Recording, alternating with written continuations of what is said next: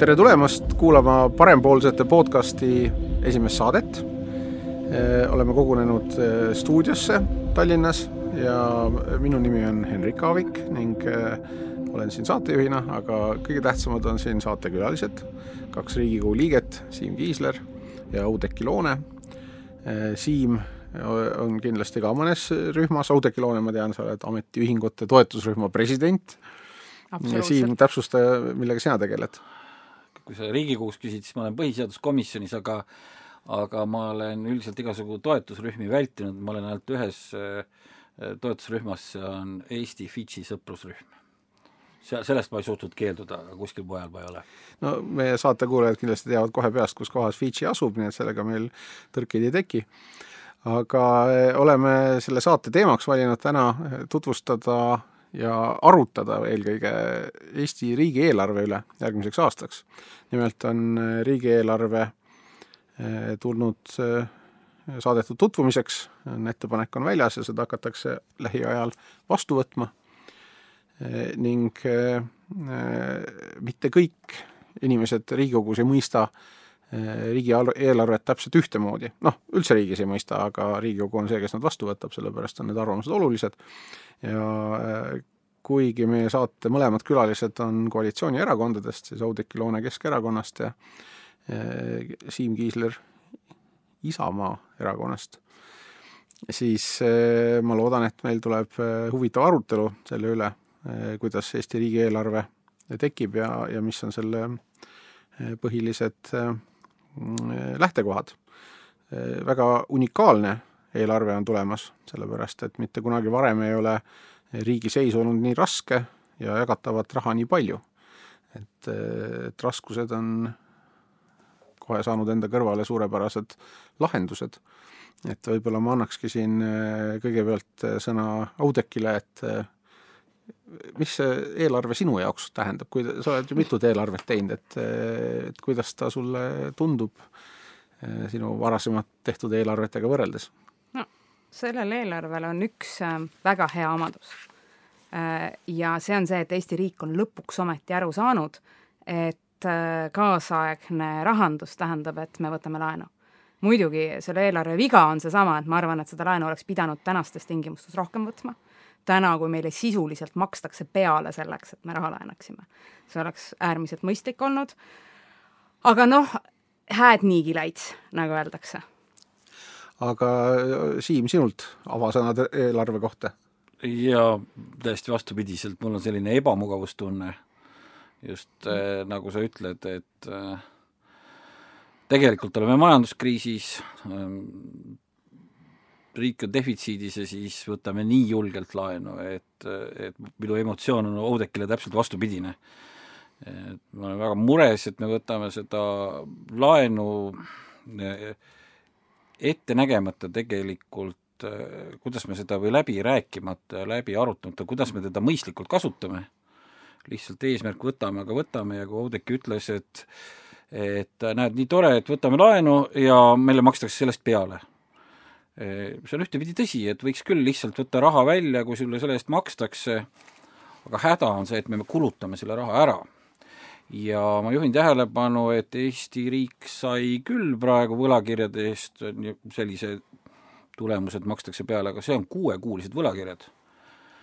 kuus kuud on meil raha nagu nii käes, et makstakse peale, mis noh, loodame, et siis peame uuesti, siis peame uuesti finantseerima, loodame, et äkki siis ka makstakse peale, aga selge, et see lõpmatuseni ei kesta et kui me selle raha ära elame, kui me lihtsalt võtaks selle, hoiaks selle raha alles ja lihtsalt teeniks selle pealt, siis maksaks tagasi, siis oleks kõik ju hästi. aga me ju kulutame ta ära. no mina eraisikuna olen ka väga niisugune äh, laenude sõber, sellepärast et kõik eraisikud on, et niikaua, kui selle laenuga on teada, mida teha, kui see laen läheb koduremondiks või kodu ostmiseks, isegi auto ostmiseks, nii kaua on laenud väga mõistlikud asjad. Aga kui, kui mu naabrimees näiteks ütleks, et ta tahaks, mul on väga toredad naabri, naabrid, ma ei tahtnud nii öelda, aga aga oletame, et mul ei oleks nii tore ja ta ütleks, et oleks hädasti viina vaja, et saad sa nüüd äh, laenu võtta kuskil, siis ma tõenäoliselt ei võtaks. et, et võib-olla, ma arvan, et me peaksime siis rääkima riigieelarvest selles võtmes, et mida selle laenuga tehakse, mitte nii väga selle pärast, kas tasub võtta või mitte, aga ma ei tahaks teile nüüd ette öelda täpselt oma, ma lihtsalt lisasin oma mõtte. Oudekki no,? Äh, siin on kõlanud juba mitu eeldust, mis tuleb kohe paljastada ja ümber lükata. et kõigepealt, ähm, kõigepealt see küsimus, et äh, igavesti, igavesti me ju nii ei saa. Vale. me oleme riik, me ei ole eraisik. eraisikud, miks ei saa igavesti laenu võtta, eraisikud surevad ühel hetkel ära. riik ei sure riik kestab igavesti ja alates kaasaegse rahanduse loomidest kõik riigid ongi laenu võtnud. eriti mugavaks muutus see pärast seda, kui, äh, kui raha, kui, kui tehti, kui Nixon tegi oma reformi, kus ähm, raha, ka dollar ei olnud enam üldse seotud millegagi peale, peale majanduse hea käekäigu enda. Seega nagu see asi, et riik ei saa igavesti laenu võtta, ei vasta tõele. saab küll. Ja võetaksegi. Ja, ja sellepärast ütleme, kuue kuu pärast on see, mida me praegu näeme, ilmselt äh, ongi väga sarnane, ma arvan, et ikka veel võetakse peale. tõepoolest, ma arvan ka, et Eesti peaks äh, välja andma kümneaastaseid võlakirju, rohkem, äärmiselt mõistlik, äärmiselt mõistlik. Et, et seda kindlasti tuleks arutada, aga kõigepealt jätame meelde, riigid võtavad alati ja igavesti laenu, see on üks võimalus, kuidas, kuidas me oma avalikku äh,, avalikku toimimist finantseerime. tuletame meelde, laenud ei ole, me ei maksa laene tagasi, me maksame intresse kui maksame, kui need on, millised need on. aga iga kord, kui laenu tähtaeg läbi saab, teeb riik uue laenu. laen tähendab, et meil on äh, kapital on kingitud, maksame intresse. nüüd teine asi, mis on hästi oluline, on see, see küsimus, et äh, aga me ei tea, milleks me seda kulutame. teame küll, see on eelarves kirjas. selle peale kasutamegi. kas see on mõistlik? seda me hakkame Riigikogus arutama jälle ma arvan, et ka mina näeksin, et seal võiksid võib-olla mõned kulutused teistsugused olla, on mõned asjad, mille üle mul on, mul on väga-väga hea meel. mul on pensionitõusu üle hea meel, mul on hea meel kliiniliste psühholoogide kutseaasta rahastamise üle, kõiki, kõigi niisuguste asjade peale. nüüd, kas riik saab rahaga teha midagi nagu halba? nüüd tuleb meeles pidada, riigi investeeringud on alati produktiivsed kui riik kuhugi raha kasutab, riik ei kuluta seda ära. riik ei saa minna interneti ja kasiinosse seda raha maha mängida, et ütleme, et see on nagu see asi, et siis me ütleks jah, tõepoolest, et seal, et kui see on Ameerikas asuv internetikasiino ja me mängime kogu selle Eesti riigi laenu maha, et siis on, siis on tõepoolest halvasti. seda me ei saa teha. aga kõik muud asjad, isegi nagu nii noh, selline asi nagu pensionitõus. pension on produktiivne. pensionärid ei kogu pensionäril ei ole mõistlik koguda pensionär kasutab oma raha elamiseks. Läheb ühe korra rohkem kohvikusse. kohvikus on teenindajad, kellele makstakse palka, kohvikus küpsetatakse saiakest, kondiitrile maksta, makstakse palka, see saiake tehakse mingisugusest jahust, mida kasvatab äh, meie äh, viljakasvataja, tema saab raha iga riigi investeering on produktiivne. mina tean, et hiljuti just äh, Danske Bank lasi siit umbes kakskümmend Eesti riigieelarve jagu raha Eesti riigist läbi ja ja need olid kõik meist idapoolsete riikide riigieelarvetest tulnud, ma sain aru, et noh, et päris ma ei usu, et nad kõik nii rõõmsad olid, aga Siim, mis sul vastu on öelda? oi jah, siin Oudekki ratsutas nii kiiresti, mul tekkis nii palju juba vastuväiteid vahepeal. noh, et hakkame pihta, et, et Äh, riik äh, alati saab laenu võtta, eks ole, alati võtab, no moodne rahandus, nagu sa ütlesid, oli, oli Euroopas kohal juba siin kümme-kaksteist aastat tagasi, eks ole, ja ometi ühel hetkel juhtus sellises riigis nagu Kreeka selline lugu, et vot ei antud enam laenu, on ju. lihtsalt ei saanud, öeldi, et elad üle jõu, kõik, on ju. noh, siis muidugi lõpuks äh, teised riigid tulid appi ja siin lahendasid seda olukorda, aga kreeklased ei olnud väga õnnelikud, eks ole, et äh, inimesed jah, noh. et kui meil oleks äh, tõene väide, et riik on igavene, siis, äh, siis äh, noh, Isamaa on igavene, see on slogan, eks ole, aga kui riik oleks igavene, siis oleks ju väga mõistlik mitte kuueaastaseid, vaid kuuesaja aastaseid või kuuekuuseid, vaid tuhandeaastaseid võlakirju välja anda, sellepärast et siis oleks äh, hea rahulik võtta, siis oleks ruumi. ei no eks laenuandja vaatab mingist oma perspektiivist ja loomulikult ta tahab, seal ka vaadatakse niimoodi mingi, mingi inimpõlve pikkune on see mingi mõõde, see mingi maksimummõõde, eks ole, aga no aga näed, Kreekaga juhtus ikka, ma tuleks selle juurde ikka tagasi, et ma olen nõus, jah, suhteliselt kergemini antakse riikidele. aga ühel hetkel see usalduskrediit ammendub, on ju ühel hetkel lihtsalt ei saa ja siis, mida ütlesid äh, need teised, kes siis lõpuks Kreekale appi tulid, need hakkasid äh, kärpima. noh, sama juhtus äh, umbes samal ajal Lätiga, eks ole. Läti ei saanud, okei okay,, nad ei olnud sel hetkel veel Euroopa Liidus või vabandust, Euroliidus, Eurotsoonis nad ei olnud, neil ei olnud euro tarvitusele, aga ühel hetkel nad enam laenu ei saanud siis nad võtsid laenu IMF-ilt ja IMF sisuliselt hakkas lätlaste eest ise seda riiki juhtima, võttis juhtimise üle, ütles nüüd teete seda, seal kärbite, noh, sama, mis juhtus ju Kreekaga, eks ole, öeldi, hakati ette kirjutama, et riik ei olnud enam selles mõttes iseseisev, et võlausaldajad hakkasid äh, riiki juhtima, Lätis juhtus sama asi, kui nad said sellest suurest kriisist jagu. Ja, ja see juhtub selle, kahel põhjusel, üks asi, et laenatakse üle jõu, mida ei jaksata maksta ja teine, teine asi, et selle üle jõu laenamisega tihtipeale ei kasutata seda raha üldse mõistlikult ära, eks ole, siin Oudekki ütleb, et oi, iga riigi kulutus on mõistlik. no ei ole, ei ole Saaremaa süvasadam mõistlik äh, kulutus riigil, selle ajal tagantjärgi toob ainult mingi kulu kaela, neid objekte võib siin lugeda lõpmatuseni, on ju, et äh, see ja ühel hetkel sul on see, et sa ei saa neid, sa ei suuda ise enam neid kulutusi tagasi võtta. et kui sul sissetulekuid ei ole, sa tõstad pensioni, sa tõstad selle õhku, eks ole, et tulles selle perejutu juurde tagasi, et oletame, et on pere, isal vähendatakse palka ja pere langetab otsuse, et noh, et isal jäi nüüd palka vähemaks, et selle kompenseerimiseks võtame aga rohkem laenu, on ju, ja jätame kõik kulutused samaks ja ostame veel midagi juurde ka. no ei lähe sellest kellegi elu paremaks. jah, et äh, mina isiklikult äh, hindan Saaremaa süda, süvasadama investeeringut selles mõttes heaks, et idee oli hea. et jah, tulemus oli kehv, aga ta oli lihtsalt halb investeering, et kui sa teed palju investeeringut, siis mõni lähebki metsa. et selles mõttes äh, seal oli, aga, aga on veel halvemaid asju, mis ei ole investeeringud. riigi puhul on see, et ma kohe annan Oudekki ühe asja ütlen ja kohe Oudekki, et Eh, vot riigi puhul ei karistata ära, on ju, eks ole, kui ettevõte teeb ebamõistliku investeeringu, siis see korrigeeritakse sellega välja, et ettevõte kas läheb pankrotti või peab tugevasti ennast muutma. et riigi puhul on see õnnetus, et ta ei pruugigi ennast muuta, paneb samamoodi ebaefektiivselt edasi. jah, me riigieelarve on umbes üksteist miljardit, eh, investeeringute juba rohkem, mis meil on juba kolmteist siin tuleb. tuleb kolmteist miljardit investeeringute maht on kui palju, umbes üks või poolteist kuskil ja laenud on palju suuremad, on ju nii? et järelikult nad lähevad, äh, väga suur no, osa laenust läheb mingi asja peale, mis ei ole oleneb, mida sa investeeringus seal loed ka natuke no,, aga enam-vähem nad võib-olla suurusjärk on sama, aga jõle palju, noh näiteks see pensionitõus on puhtalt nagu õhku. Oudekki jälle, siin on, kõigepealt alustame, alustame sellest, et riigieelarve võrdlemine pere-eelarvega on, äh, on ebaõige.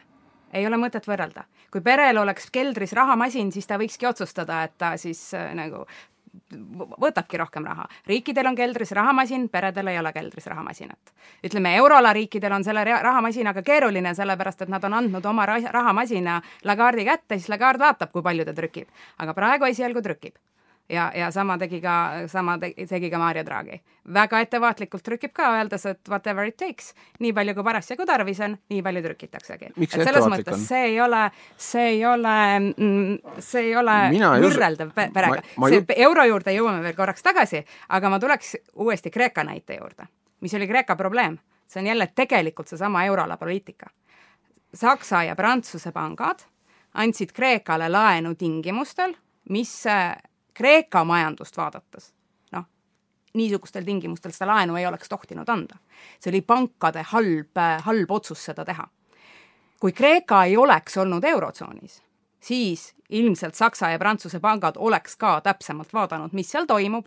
nüüd nad viskasid käega, et küll noh, küll nagu teised riigid selle kinni maksavad ja nii juhtuski. tegelikult makstigi kinni. maksti kinni Saksa ja Prantsuse peamiselt suurpankade halvad investeeringud. kui Kreeka oleks olnud eraldi, kui Kreekal oleks olnud trahm, siia nad oleks andnud niisugustel tingimustel laenu, ilmselt nagu oleks võinud näiteks default ida, kuskil tõenäoliselt see, see nagu uudis, mis Kreekas toimub, see oleks olnud Financial Timesi nagu viieteistkümnendal lehel väikses kirjas see ja see pank äh, kannatasid äh, Kreekas. aga kuna Kreeka oli euroala liige, siis hakkasid toimima täiesti muud äh, muud olukorrad ja tõepoolest äh, neile kirjutati ette väga karm kasinuspoliitika. mis oli selle kasinuspoliitika tulemus? järjekordselt kirjutasid ette mingid niisugused inimesed, kes unustasid ära selle fakti, et riigi investeeringud on alati produktiivsed ja kui sa võtad riigi investeeringu ära, siis majandus kukub. ja Kreeka puhul, hiljem on IMF ka ise seda hinnanud, et iga euro puhul, mida Kreeka kärpis, kukkus äh, majandus poolteist eurot. iga euro, mis kärbiti riigipoolsest sissepanekust, kokku võeti GDP-st ära poolteist eurot sellepärast et riigi investeeringutel on alati multiplikaatori efekt, alati multiplikaator. väga kahetsusväärne lugu selle Kreekaga, aga nüüd on natuke vastuolu ju, kui sa ütled ühest küljest, et riigid ei pea oma võlgu tagasi maksma ja nüüd teisest küljest Kreeka võlgu pidime ka meie tagasi maksma, siis nagu siin väike vastuolu on ju no,. mis asi on riigivõlg üldse?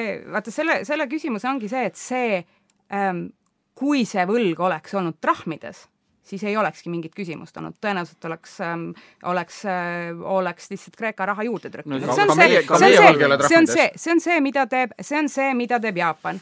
kui on tarvis, siis tehakse jeene juurde. ka meie võlg ei ole. no Argentiina näide ka. ka meie võlg on, on, on eurodes, tõsi ja see on, see on loomulikult kõigi euroala riikide jaoks probleem, absoluutselt kõigi jaoks ja sellepärast need riigid, kellel on iseseisev valuuta, nende majandus kasvabki kiiremini ja sellepärast ma arvan, et Hiina ja Ühendriigid ongi ees kõigi võimalike oma tehnilise arengu poolest, 5G poolest ja sellepärast e äh, nagu Euroopa jookseb taga. aga hetkel, hetkel Euroopa Keskpank käitub absoluutselt mõistlikult ja ähm, püsib oma äh, kuue programmiga. püsib täpselt sellega, et äh, tal on ähm, juba aastaid programm, millega antakse erapankadele raha selleks, et nad saaksid osta riigide, riigide võlakirju. kas sul on hüpotees, et, kas sul on hüpotees, et kui me oleksime hoidnud endale alles krooni ja poleks euro peale läinud, oleks meie majandus kasvanud kiiremini kui nüüd viimastel euroaastatel? tõenäoliselt küll, tõenäoliselt küll. Siim Kiisler, sinu sõna no kindlasti ebakindlus Eesti rahanduses oleks palju suurem, et kokkuvõttes on ju riigid katsetanud küll seda, et trükkinud raha juurde, siis ühel hetkel on see läinud hüperinflatsiooniks ära ja, ja riigi eh, elanike vaesumiseni, et ühte peab ka silmas pidama. äh,, et Oudekki, ma eeldan, sa oled pigem nagu räägid justkui, et kaitseme inimesi ja nii, aga, aga see kogemus on nüüd ju küll ka sellest Lehman Brothersi kriisist eriti, et kui esimest korda tõsisemalt seda raha juurde trükkimist tehti eelmise kriisi ajal, selle tulemus oli see, et jõukad hoidsid oma vara, vara läks kallimaks ja sellise juurdetrükkimisega see palgasaaja vaesub et see on üks selle efekt igal juhul. Ja muidugi, kui ta läheb päris käest ära, nagu Argentiinas on ju, siis äh, on vaesumine totaalne. et nii lihtsalt need asjad ei ole, aga ma ikkagi, see Kreeka näide, ega ma ikka aru ei saa, eks ole. et äh, alguses anti justkui, sa ütled, et tingimused olid halvad, et Kreekale ei oleks tohtinud nii anda. no eks võib-olla kunagi esimene laen anti ka, vaadati, et Kreeka oli väga hiljaaegu liitunud Euroopa Liiduga, pilt oli väga ilus, noh, umbes nii nagu meie, kõik läks nagu hästi, anname ka juurde, ühel hetkel läks Kreeka nii-öelda kogu rahanduslik seis, oli halvenenud juba aga laenusid oli vaja kogu aeg refinantseerida, eks ole, nagu sa ütled, laenu tagasi ei maksta. aga tingimused, eks ole, siis on kaks võimalust, kas tingimused lähevad järjest karmimaks ehk siis oleks adekvaatsed, nagu sa ütled, või tingimused on sama head või, või ainult natuke karmimad, aga ebaadekvaatsed. Et mõlemad viisid on ju riigile lõpptulemusena viivad nagu äh, ummikusse. et kui sa võtad tõesti selle ra-, laenuraha ja investeerid ta niimoodi, et ta tõesti seda riigi tootlikkust suurendab nii meeletult, noh, siis on tõesti lootus, et ajaga sa kasvad välja sellest laenust, jah, mingi, mingi inflatsiooniga, aga aga minu arust me praegu teeme nii, nagu Kreeka omal ajal tegi, kelle üle me siin äh, noh no, no, viskasime nalja ka, eks ole. meie stardipositsioon on väga mõnus, eks ole, et kuna senine laenukoormus on väike olnud, aga hetkel me võtame äh, väga palju laenu ja, ja see kasvutempo on hirmuäratavalt inflatsioon on väga väike no see on iseenesest, äh, inflatsioon on praegu isegi liiga väike, et, et see on, see on kindlasti probleem, sellepärast et see, see ei pane ka erainvestoreid mingeid investeeringuid tegema ja kui see ei juhtu, siis äh, noh, siis ei ole mingist majanduskasvust üldse ka lootust. et ütleme, praegu meil on ka, on ka kriisiaeg, et see on, see on veel nagu eraldi küsimus. aga kui me küsime ikkagi, et, et, et, et esiteks see, kas tulevikus kuidagi on nagu halvemad tingimused või mitte, seda me hetkel veel ei tea. Küsimus on see, et kuidas, mida meie saame teha, et need tingimused jätkuvalt oleksid mõistlikud. ja, ja ütleme, et see, mis piirab seda, kui palju, ütleme, riik võib laenu võtta või, või, või, või, või ka raha juurde trükkida põhimõtteliselt, võiks ka nii teha ei ole ka mingisugust otsest põhjust, miks me peame seda turult hankima, aga seda on erinevad äh,, erinevad äh, Euroopa riigid katsetanud. et see, mida me peame tegelikult jälgima, on, on maksebilanss. On, on maksebilanss, see, kui palju meil, kui meie ja, ja siis peamiselt sealt meie ekspordi ja impordi tasakaal ja siis meie siis ütleme, selline finantskonto taga, tasakaal Kom. ja kuni need kaks asja on tasakaalus seni, seni ei ole probleemi ja Eesti puhul meie maksebilanss on positiivne. meie maksebilanss on väga pikalt positiivne. mida see tähendab? see tähendab seda, et me elame alla oma võimete. Me süstemaatiliselt oma tee, toodame, töötame teiste riikide heaks. kuni see on positiivne, seni on eriti oluline laenu võtta. sellepärast, et nagu põhimõtteliselt nagu ka keskpikas perspektiivis me võiks olla tasakaalus, aga, aga me ei ole seda. ja see on see, mida me peame jälgima ja see on täpselt see asi, et kui me räägime, et tõepoolest jah, et, et riik võiks mitte raha kasiinos maha mängida, absoluutselt nõus.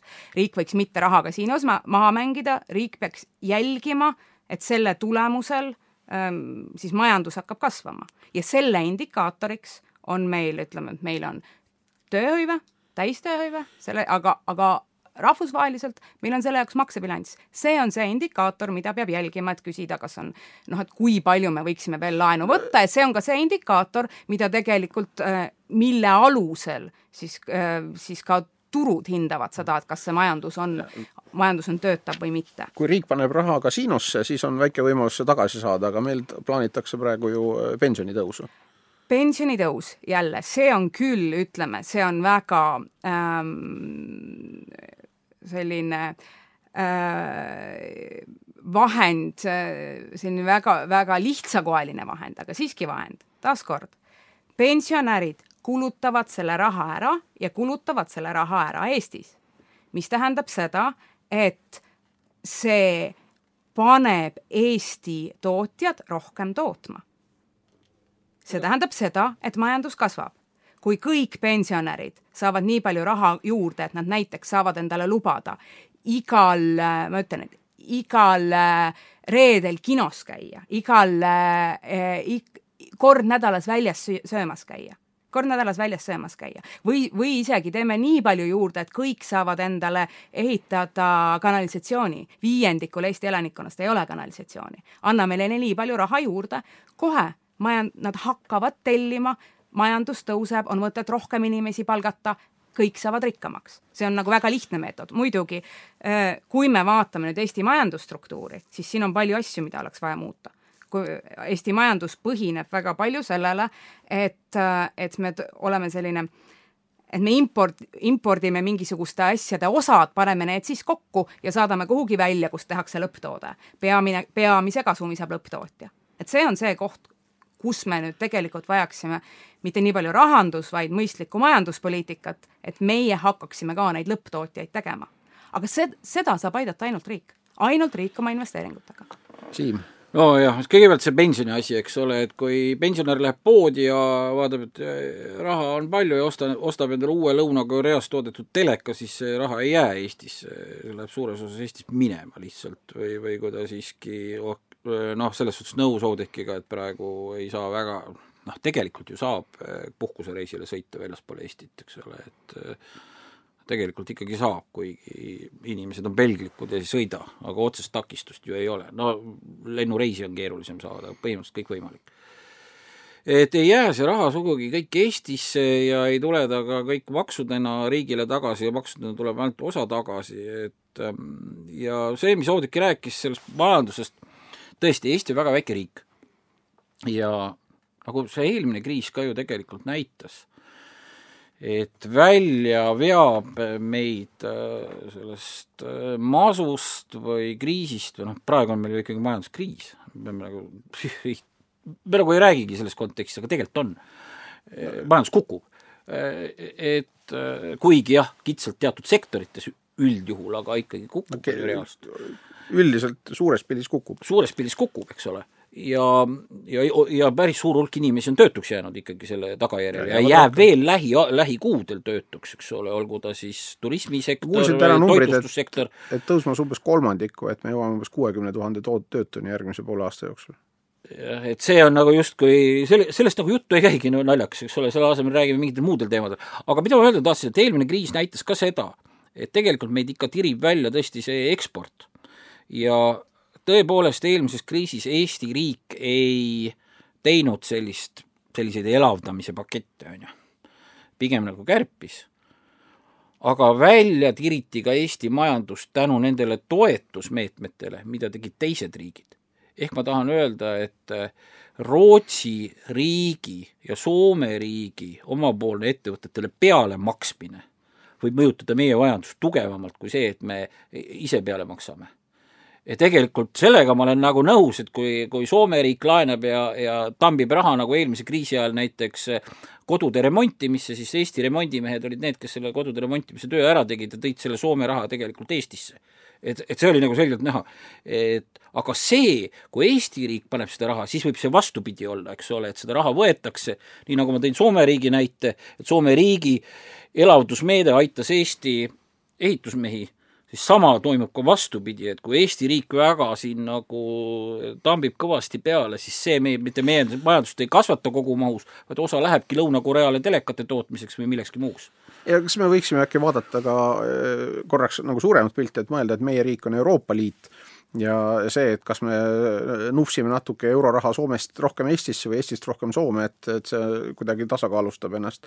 aga kuidas me eks meie mure saaks... meie inimesed ju kuidas? eks meie mure on ikka meie oma inimesed ju. no eelkõige jah, ja, ja tagasi riigieelarvesse, et muidugi on riigieelarve äh, Eesti riigile tehtud ja sellest me täna räägime. aga et kas, kas on ka mingisuguseid äh, investeeringuosi või plaane selles riigieelarves, kuidas äh, oleks võimalik mujalt, kolmandatest riikidest Eestisse raha meelitada? kõigepealt tuleks nende Lõuna-Korea telekate ah, juurde tagasi. Läheme sinna jaa, ähm, see on üks Eesti, üks Eesti suuri probleeme, et tarbekaupade puhul meie, meie kaubandusbilanss on äh, negatiivne, me impordime väga palju tarbekaupu. See on kindlasti üks koht, kus riik võiks mõelda, et mida me neist saame ise toeta to, toota ja, ja siin nendesse valdkondadesse investeerida. aga isegi selle Lõuna-Korea teleka puhul, poemüüja on eestlane, transpordimees on eestlane transpordifirma on Eesti firma, koristaja, kes seda, seda, seda poodi koristab, on eestlane. mida rohkem seal on ostjaid, seda rohkem on neil tööd, seda rohkem saab neile palka maksta. ja nemad omakorda lähevad, ostavad midagi muud. et jah, tõepoolest, osa tar-, tarbekaupu me ostame väljast, sest meil ei ole seestpoolt alternatiivi ja kindlasti see on üks asi, mida riik peaks tegema, et kui me oma majandusstruktuuri kujundame, siis küsida tõsiselt, millised on need tarbekaubad, mida me ostame väljast ja mida me võiksime tegelikult äh, toota ise. Ja, ja samamoodi, kui me nüüd tuleme majanduskriisi juurde tagasi, et see on väga hästi märgitud, et näed, eelmine kord väga suur töötus, aga Eesti kuidagi tuli välja, et ekspordiga tuli välja, aga need inimesed, kes siis kannatasid, kannatavad täna ka et see, kui me teeme ühe nagu riigist sellise ühe väikese laeva, kuhu kõik maha, peale ei mahu ja need purjetavad hästi ja tulevad ikka välja, et see nagu ei ole päriselt see riik, mida ma arvan, et mida, mida ma arvan, et teha võiks. ja sellepärast ongi väga oluline, et, ähm, et see, kui, kui meie leiame riigi investeeringu, siis see tähendab seda, et me peame töökohti looma, et meie loome siia töökohti. sellepärast on väga oluline, et riigi äh, selline üheks indikaatoriks oleks täistööhõive, me püüdleks täistööhõive puu, ju, poole ja kui sealt on midagi puudu, siis on riigi ülesanne neid töökohti luua. nüüd selleks on, selleks on erinevaid viise, üks ka, mis oli pärastsõjaaegse Euroopa ülesehitamisel äh, Itaalias äh,, Suurbritannias hiljem, natuke ka Saksamaal äh,, mis oli vä väga efektiivne, olid sellised avalikus äh, avalikus omandis holding company'sid, kes siis, mille ülesanne oli ähm, koordineerida kõiki avalikus omandis olevaid ettevõtteid, seal ehitati teid ja tehti noh, ma ei tea, tervet, tervet terasesektorit ehitas Itaalia meil oli arengufond vahepeal, kes andis et, et põhimõtteliselt no ka see asi, mida praegu me nagu üritame KredExi põhjal teha, aga ühesõnaga, et meil on eraldi riiklik struktuur, mis teeb riiklikke investeeringuid, kus loomulikult töötavad ütleme, majandusharidusega spetsialistid, kes oskavad hinnata, mis on nagu efektiivne investeering, et see oleks, et see majanduslikult töötaks, et me tõepoolest ei paneks raha kasiinosse. aga samal ajal, mi-, mille puhul, ütleme, mille suuna otsustab riik, et kui me täna näeme, et üks Eesti suuri probleeme on see, et meil on terve Ida-Virumaa, mis sõltub ainult põlevkivitööstusest, mis isegi ilma roheleppeta on problemaatiline, sest kui me sõltume ainult ühest, väga tugevalt ainult ühest äh, sektorist, siis äh, alati võib midagi juhtuda. et, et see, sellisel juhul riik, valitsus ütleb äh, sellele kompaniile, arengufondile, KredExile, mida iganes me tahame selleks nimetama, riiklikule arengupangale, ükskõik, kuidas me seda nimetame, ütleb, et meil on vaja tööstusinvesteeringuid Ida-Virumaale nüüd ka saab isegi vaadata, milliseid, et see on jälle piisab, et vaadata, et, et, et mida me siis impordime. hinnata selle pealt, mida me impordime, et kas me, kas me saame midagi, kas me saame midagi ise teha ja hinnata ka seda, et ütleme, et kas me pigem tahame teha kapitaliintensiivset in, äh, tootmist või me tahame nagu hästi palju töökohti luua, et, et, selle, selle põhjal no., et neid kõiki asju saab võrrelda, aga seda saab jälle, see, ühelgi erainvestoril ei ole mingit sellist huvi, et terve Ida-Virumaa oleks kuidagi millegagi kaetud. huvi saab tulla riigilt ja igasugune majandustegevus algab rahast sinna tuleb kõigepealt raha sisse panna. et selle laenuga võiks näiteks minna UK-sse, osta sealt kokku äh, startup'id, mis on praegu majanduskriisi hetkel suht odavad, relokeerida kogu töötajaskonnaga nad äh, Ida-Virumaale ja siis erastada et see võiks ida, olla riigieelarve ja, ja sellest Ida-Virumaa tänased inimesed, mis kasu nad sellest saavad, absoluutselt ei saa, see on nad nagu, saavad töökohti. vastupidi, ei, kui ma toon inimesed, kui ma toon inimesed Suurbritanniast siia, see on täpselt sama asi, kui Eesti viib oma inimese, Eesti inimesed lähevad Soome. et see on see põhjus, miks ka majanduslikult tihti immigratsiooni piiratakse, sest ütleme, et kui ma kui ma ütlen, et jaa, et ma toon oma tööstuse Hiinast tagasi, aga toon selle koos Hiina töölistega, kes töötavad Hiina palga eest Hiina tingimustel, siis ma ei ole tegelikult mingisugust probleemi lahendanud. kui minu, kui minu eesmärk on inimestele tööd leida, siis no. ma pean ka vaatama neid inimesi, kes nagu praegu Ida-Virumaal on et kui ma toon sinna lihtsalt startup'i töötajaid juurde, siis mul on sotsiaalne katastroof ikkagi. ei, ja sotsiaalne katastroof on see täna sellepärast, et seal ei ole startup'i töötajaid, mitte sellepärast, et neid liiga palju on. kui startup sinna tuua, siis startup ja, ja, aga mul on vaja vastab... leida tööd neile inimestele, kes seal praegu aga startup'id kasvavad viisteist protsenti kuus, mitte aastas, et eh, selle tempoga tekib seal töökohti piisavalt no., Siim nojah, et siin on ikkagi kõrgepalgalised alati loovad töökohti ka madalapalgalistele, madalamapalgalistele, eks ole, et noh, et kui Ida-Virus oleks hunnik ägedaid startup'e, siis äh, leiaksid inimesed ka lihtsamat tööd nende, nende jõukamate palgatööliste teenindamiseks, et see, see tuleb kaasa. aga noh, tegelikult see oli esimene lõik, kus ma natuke isegi nõustusin su jutuga, et et no ma olen nõus, aga et riik peab vaatama, et kuidas ähm, investeerida ja aidata ja tagatistega aidata investeerida nendesse sektoritesse, mis loovad seda tööhõivet ja ütleme siis kõrgepalgalist tööhõivet, aga meil on olemas ka need KredExid, SmartCapid, äh, MES isegi, eks ole, võiks sinna alla mingil määral liigitada. Neid instrumente on, on ju. aga kui me tegelikult, kui me vaatame seda riigieelarvet, siis seal jagatakse sellist oh, ma ei tea, Porto Franco laenusid ja, ja noh, okei okay,, see ei ole, laen ei ole otseselt riigieelarve, aga noh, ütleme sedalaadi veidraid asju ja sellist äh, kõrgtehnoloogia toetamist ja selles, selles me loodame tegelikult veel äh, Euroopa toetusrahale. olgu see õiglase ülemineku fond Ida-Virumaa puhul, eks ole, või noh, põlevkivist äh, tasapisi mingi väljumine või selle ümberkujundamine, äh, selle tööstusharu aga, aga siis see euroraha uus periood, siis see majanduse elavdamise raha ja meil on veel tohutud rahalaevad Euroopas teel. Et seda enam tekitab mul küsimus, et miks me siis äh, selliseid ebaefektiivseid, mõttetumaid asju oleme toppinud laenukulul endale riigieelarvesse, et äh, me ei saa riigieelarves praegu veel näidata neid Euroopast tulevaid rahalaevasid, sellepärast et kuna need otsused ei ole formaalselt äh, Brüsselis langetatud, siis need lepingud ei ole tehtud, siis me ei saa tänases riigieelarves seda näidata. aga need rahalaevad igal juhul tulevad ja vot seda, mille kohta sa küsid, sellist tarka investeeringut, seda me tahame hoopis nendest Euroopa rahadest teha. et me justkui võtame laenu selleks, et me räägime, et me seda teeme, tegelikult me laenust ei tee, laenust me teeme ikkagi suuresti ebaefektiivseid otsuseid. ja mis mind häirib, ma räägin ühe asja ära, mis mind selle eelarve juures jubedalt häirib, on ju et ma küsisin ka, et no vähemalt osadelt ministritelt, kellega ma rohkem kokku puutun, on ju, erakondlikel põhjustel, küsisin, et kuulge, kas mingeid kärpeid nagu teha ei saa siis? et ka, kui erasektor kärbib ikkagi praegu ja tõmbab kokku, siis, siis vastati, valitsuse liikmed vastasid, mitte midagi, üleüldse mitte midagi.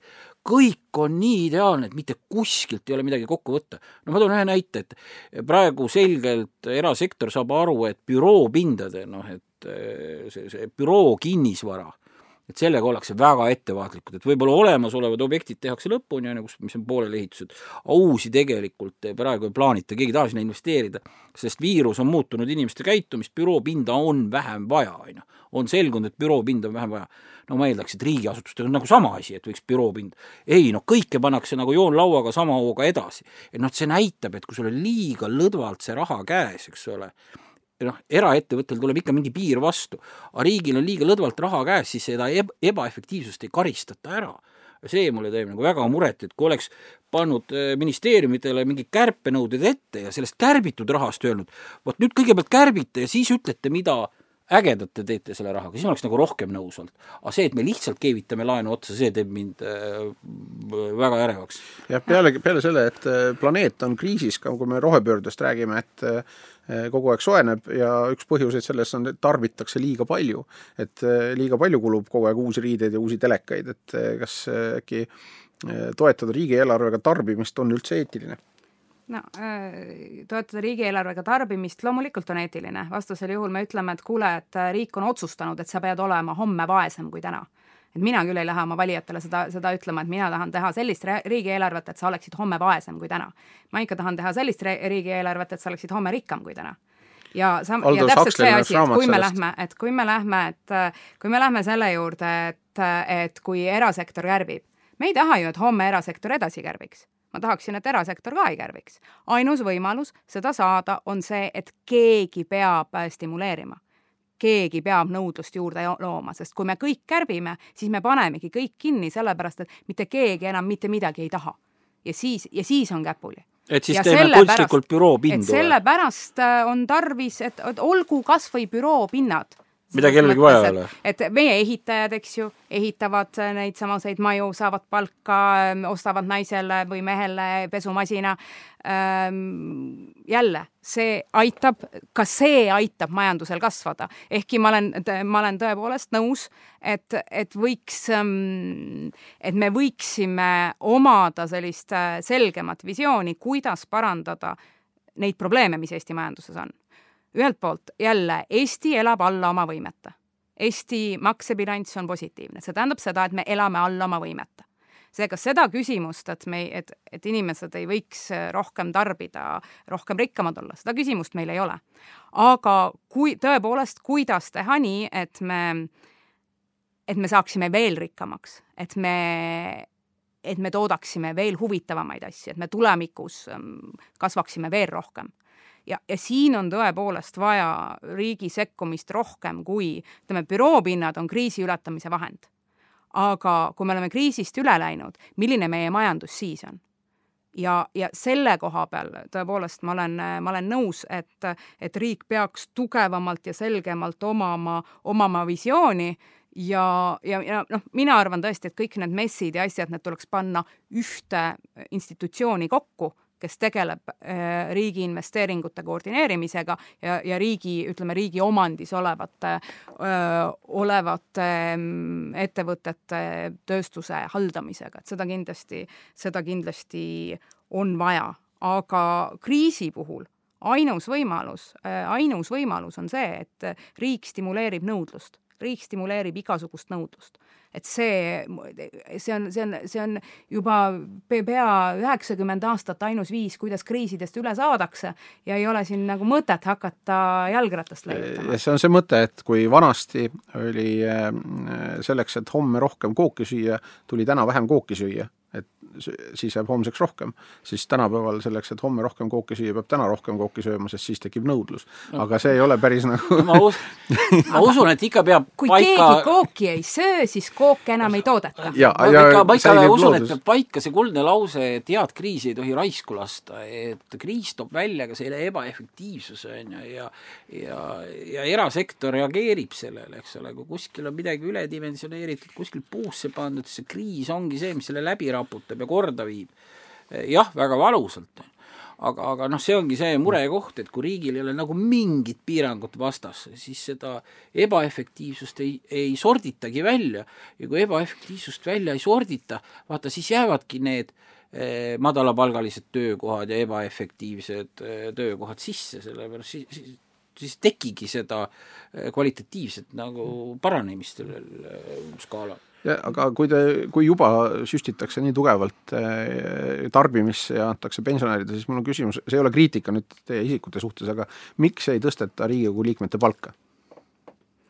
see õnnetul kombel muidugi tõusis ka juba aprillikuus ja, ja, ja, ja, ja see, see ongi, see ongi, see ongi äh, seotud. see on meil, aga siin on nagu ähm, kaks asja. esiteks, kui me vaatame, mis on praeguse kriisi olemus, siis praegune kriis ähm, ei ole ting-, ol-, see ei ole tekkinud tingituna nagu majanduse sisemisest loogikast. praegune majanduskriis igal pool äh, tekkis sellepärast, et riigid keelasid töötajatel töötada. Nad ütlesid, et sa pead kodus olema, sellepärast et äh, rahva tervis. see tegelikult on see efekt, mis oleks üldstreigil. nii et see on töötajate jõud tegelikult. kui töötajad tööd ei tee, siis majandus kukub kokku. Aga see on praeguse kriisi iseloom. seega noh, seda, et kas, mis efekt, kas see üldse ole, kas see üldse paljastab mingeid ebaefektiivsusi, see paljastab ainult seda, mis on töötajate jõud. midagi muud ta nagu majanduses otseselt ei, ei paljasta teisest küljest nõus, head kriisi ei tohi raisku lasta, et see ei tähenda, et Eesti, Eesti majanduses ebaefektiivsusi ei oleks. On küll needsamad kivistunud äh, ebaefektiivsused, et me sisuliselt oleme äh, suuremate, peamiselt Euroopa riikide alltöövõtjad. ja sellisena me ei saa kunagi väga edukaks. et selle, et selle piir tegelikult on käes. ja et sellest välja saada siin on vaja ainult nagu väga mõistlikku riigipoliitikat, sest turg meid sellest välja ei vii. Sellepärast, et ne-, nendel suurtel ettevõtetel, kes turgu mõjutavad ja ka suurtel riikidel, ei ole ju mingit huvi. huvi saab olla ainult Eesti riigil, sest ainult Eesti riigile läheb korda Eesti inimeste käekäik. nii on aga eh, hüppame veel korra nagu niisuguste suure, suure pildi teemade pealt võib-olla eh, täpsemaks, et eh, kes üldse Eesti riigieelarve protsessi nagu halli kardinalina või saab suunata, et kui me siin arutame, meil on huvitavad mõtted, aga ja te olete Riigikogu liikmed, et te, te peaksite saama sekkuda sellesse protsessi, aga noh, tegelikult paneb selle kokku valitsus ja valitsuses on eh, ka erinevad jõujooned, et et noh, näiteks mis siin on kritiseeritud, sa ise ütlesid, maaelu need miljonid, mis sinna läksid, et noh, need riigieelarvesse planeeriti, et sinna antakse raha ühe toetuseks, aga tegelikult kulutati need investeeringuteks, et et kas on võimalik ja samas ka Janar Holm just eelmine nädal kritiseeris riigieelarvet ja selle seletuskirja, et ei läinud kokku numbrid, teemad, read, täielik bardakk oli seal no suht tuima pannakse jah, et keegi leidis sealt äh, mingi viite veel üle-eelmisele aastale, mitte eelmisele aastale, oli näha, et see seletuskirjas see lause käis üle-eelmise aasta kohta. ei no kes siis Wordis template'e ei tunneks. lõika ja kleebiga oli mõnulatud kaks aastat. noh, et niikuinii tehakse, eks ole, seda, aga siis kaks aastat oli viga läbi lastud, et äh, sama viga. Et seda tuleb ette ja loomulikult see paksu raamatut, noh, ilmselt ongi ebaefektiivne niimoodi algust lugema hakata nagu juturaamatut, eks ole. aga eks ju suur osa tuleb ju, suur osa on juba paigas, eks ole, on meil kehtivate seadustega paigas, midagi on seal ette nähtud, et sellised ma ei tea, sotsiaaltoetused ja pensionid ja nii edasi, vot siin ongi, tuleb sisse see teema, kas me usaldame seda indekseerimist. Ma natuke nüüd siin korra võtan aega, et äh, kas me usaldame olemasolevat indekseerimist nagu Riigikogu liikmete palkade puhul, et jah, see aasta Riigikogu liikme palk tõusis, aga see kajastas möödunud aasta olukorda ja järgmine aasta Riigikogu liikme palk langeb ja see, kuigi võib-olla teistel hoopis tõuseb, eks ole, aga, aga Riigikogu liikmel langeb, sellepärast et kajastab jälle eelmise aasta olukorda. natuke sama asi on pensionitega, eks ole. et eh, kui me usuksime seda tänast indekseerimise süsteemi, siis, siis me teame, et äh, kui äh, inflatsiooni ei ole, siis, äh, siis pension ei tõuse, aga kui inflatsioon jälle tekib, siis ka pension tõuseb ja selle korrigeerib ära, on ju. aga no me ei kannata seda ära, me lähme ikka vahele siksime, surkima, kui meil väga palju raha käes on. noh, Riigikogu liikme palgaga ei julge, aga, aga pensionitega me... julgeb. aga see, see on nagu natuke teine teema, aga vabandust, aga ma tulen selle põhiküsimuse juurde tagasi, et osaread on sul, hästi suur osa on paigas. siis on äh, ametnike sellised ametkondlikud mured, on ju mida ka võiks kärpida, aga selleks peab minister minema survet avaldama oma ametnikele ja ütlema, et me nüüd kärbime siin kümme protsenti, öelge kus. aga kui ei taheta seda öelda, siis see jääb kõik sisse. noh, siis tulevad, sinna laotakse peale, eks ole, ministrite või valitsuskoalitsiooni poliitilised soovid, kus tõsta tahaks ja siis nii ta tuleb ja, ja Riigikogus siis kohmitsetakse natuke siis siia-sinna, ju muudetakse tegelikult nende mahtudega võrreldes kosmeetiliselt. kellelegi võib see miljon suur raha olla, aga riigieelarve mõistes on Riigikogus tehtavad muudatused tavaliselt ju kosmeetilised. Siim, mõtle ennast kokku hetkeks, et eh, kui sa oleksid diktaator, siis kui palju sa vähendaksid meie käesolevat riigieelarvet? laenu võrra väga see konkreetne vastus ja selles mõttes ma olen täiesti, täiesti nõus, et me, et, et eks Riigikogu ülesanne on tsiviilkontroll ja, ja vaadata, kas see on nagu, e-, kas see on nagu üldiselt mõistlikult tehtud. ja üks äh, täiesti eraldi probleem, mida, mida tuleks rääkida riigieelarve kontekstis, on seesama, et tegelikult Eesti valitsuste käed on absoluutselt seotud oma poliitika elluviimisel. sa võid küll igasuguseid asju lubada ja planeerida, aga siiamaani on meil nagu seadused kirjutatud nii, et ligi kaheksakümmend protsenti, kui mitte rohkem, on, on tegelikult ära määratud, kuidas seda raha jagama peab see tähendab seda, et tegelikult nagu valitsuste roll on väga väike ja see iseenesest on probleem et kui nagu mingisugune erakond lubab enne valimisi, et ta, et ta nelja aasta jooksul ehitab kõigile õhus lehvivad majad, siis tal on kohustus seda täita ja tal peavad olema vahendid. kui ta ei suuda, siis ta hääletatakse maha. noh, ma tegelikult ei usu, et Eesti rahvas tegelikult niisugust erakonda ka võimule hääletab, aga näitena. et ja see on üks asi ka, miks ütleme, et kui on see küsimus, et miks me laenuraha kuidagi kasutame. tegelikult raha on raha tegelikult ei ole vahet nagu, mis see allikas on. aga laenuraha pluss Eesti süsteemis on see, et sellel ei ole silti küljes. igal maksurahal on silt küljes, mis sa sellega teha võid. ja see on, see ei ole eh, tehtud mitte, mitte nende Eesti valijate poolt, kes täna on, vaid kunagi väga, rohkem väga ammu et see ja, ja see on üks asi, mis ka tõepoolest tegelikult Eesti arengut pidurdab ja, ja mille me võiksime nagu kriitiliselt, äh, kriitiliselt äh, üle vaadata. aga Nüüd, see ülevaatamine see, see on ju teie kätes. ja, ja, ja seda, ja seda me tegelikult ka teeme, seda me tegelikult ka teeme ja, ja, ja väga palju, ma arvan, noh, kohati sa teed seda oma erakonna sees, sest seal on inimesed, kellega sa oled rohkem ühel nõul, aga ka see, mida me teeme Riigikogu komisjonides, ka see, kuidas me arutame, milline see nagu pika perspektiivi tulevik peaks olema, et niisugused arutelud ikkagi Riigikogus, Riigikogus on mm.. korraks ütleks nende ma lihtsalt pensionite... ütlen, et, et aeg on äh, sööstnud nii kiiresti edasi, et meil on nelikümmend viis minutit oleme siin rääkinud, et ütle sina, ei ütle, aga lihtsalt arvesta, et see on, hakkab läbi saama. muidu ma, et pensionite kohta on see, et miks me ei ole pensionitega rahul, et seal on ainult indekseerimine. et äh, sellepärast, et pensionid on madalad sellepärast et tegelikult Eesti pensionär elab peost suhu, aga võiks elada nagu mõistlikult. riigikogu liige ei ela peost suhu ja sellepärast nagu Riigikogu liikmele hakata erakorraliselt raha juurde panema ei ole tarvis Riigikogu liikme kulud Eestis sellest väga palju ei tõuse, seega nagu, nagu meie ka, ka kaudsemalt, meie efekt Eesti majandusele on, palgatõusust on väiksem kui pensionäri palgatõusust tulenev efekt, aga peamine on see, et meie pensionär peaks saama normaalset rahulikku elu elada, kuni ta seda ei saa, tuleb erakorraliselt pensioni tõsta. minu seisukoht on siiski see, et eh, ma mäletan üheksakümnendaid ja nullindate algust, kui inimesed tahtsid saada Riigikokku, sest see oli tordi juurde, sealt sai palka, seal oli, see oli head asjad. tänapäeval ta on niisugune, ma ei tea, suurfirma keskastme juhi palk, et, et niisugune milleks meedias öeldakse, miks ma peaksin sinna minema, et nii palju siin kiusatakse ja mõnitatakse meedias narritakse Siin. no ma sellele libedale teele, libedale teele ei lähe, et lase noh hakkame Oudekkiga vaidlema, et peaks Riigikogu liikme palka tõstma. ei, seda, seda, seda, seda oli viga masis seljas.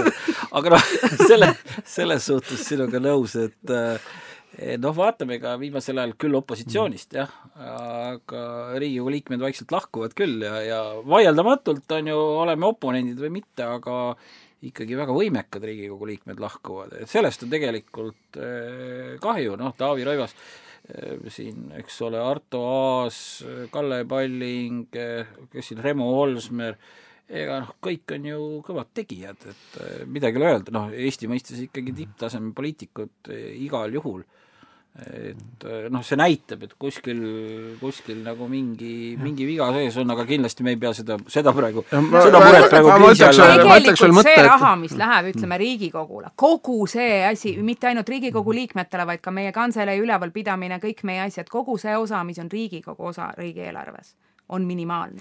et selles no. mõttes, et, et ma ka ei, et see ei, tegelikult see ei ole eelarve ise, teema, jah, see ei ole eelarve teema, see ei ole, just, just, et see, see, see ei ole tegelikult Eesti riigi rahanduses oluline. kui me seda kahekordistaksime, sellel ei oleks mingisugust noh, tegelikult mitte midagi Eesti riigis ei muutuks.